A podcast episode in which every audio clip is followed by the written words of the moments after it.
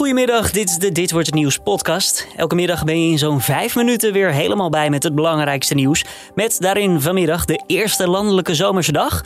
Er komt snel een alternatief voor AstraZeneca-weigeraars. En Jasper Sillissen zal niet op goal staan bij Oranje dit EK. Mijn naam is Julian Dom, het is vandaag dinsdag 1 juni. En dit is de Nu.nl Dit Wordt Het Nieuws middagpodcast. De eerste landelijke zomerse dag van het jaar is een feit. Iets voor vieren vanmiddag werd in de beeld een temperatuur van 25,2 graden gemeten. Volgens Weerplaza beleeft Nederland daarmee de eerste landelijke zomerse dag in 253 dagen. Om te hoofd te rekenen even voor te zijn, de laatste dag vond daardoor plaats eind september vorig jaar.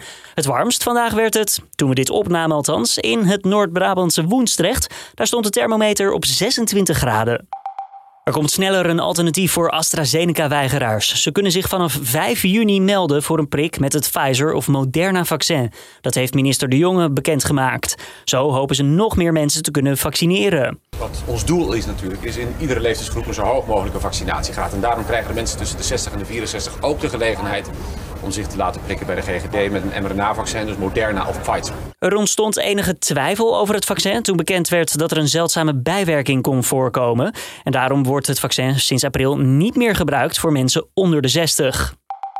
De Universiteit van Amsterdam mag de surveillance-software blijven gebruiken. Zo heeft het gerechtshof Amsterdam vandaag geoordeeld. De rechter kwam eerder al met dezelfde uitspraak, maar de studentenraad ging daar toen tegen in beroep. Ze vinden het namelijk een inbreuk op hun privacy.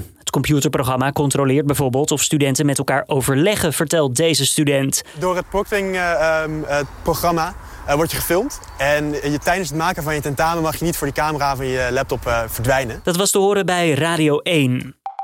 In Nederweert is een grote brand uitgebroken bij een stal met daarin 4600 varkens. De brandweer heeft opgeschaald. Meerdere brandweerkorpsen zijn aanwezig om het vuur te bestrijden. Angst bestaat dat het brand overslaat op het naastliggende stal met daarin 3000 varkens. Deze wordt daarom nat gehouden. Omwonenden wordt geadviseerd om ramen en deuren te sluiten en ventilatie uit te zetten. Een tegenvaller voor Oranje, want onze eerste keeper, Jasper Sillissen, gaat niet mee naar het EK.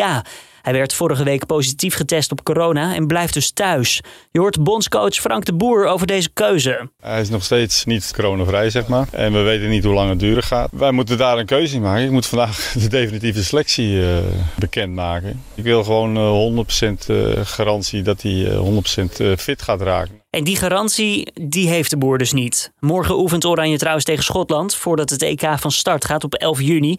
Tijdens de EK-wedstrijden zijn er trouwens 16.000 fans welkom in de Johan Cruijff Arena. Dan nog even het weer van Weerplaza. Veel zon vandaag. Op veel plaatsen is dik de 20 graden gemeten. Vannacht wederom helder. Koelt dan af naar zo'n 12 graden. Morgen de warmste dag van de week. Dan 23 graden. En plaatselijk wordt zelfs de 28 aangetikt. En om af te sluiten even een opmerkelijk nieuwtje. Namelijk een tweet van een advocaat in België. Ik lees hem even voor. Ik heb het gehad met mensen die zeggen dat het Belgisch staatsblad nutteloos is. Je vindt er alles. Wetten, besluiten, recepten om te koken, noem maar op. Ja, je hoort het goed. Recepten tussen de wetteksten die in het staatsblad worden gepubliceerd in België. Gaat om een recept voor asperges. Deze stond onder het kopje aanvraag tot prijsvaststelling, aanvraag tot prijsverhoging en prijskennisgevingsprocedure voor de niet terugbetaalbare geneesmiddelen. Opmerkelijke plek natuurlijk. Nou, het vermoeden bestaat dat het plakken van wat tekst eventjes verkeerd is gegaan en dat zodoende het recept daar terecht is gekomen. Het zou er in ieder geval al sinds 2014 hebben gestaan. Inmiddels is de tekst aangepast en moet je voor aspergerecepten dus gewoon weer de kookboeken in of eventjes op Google zoeken.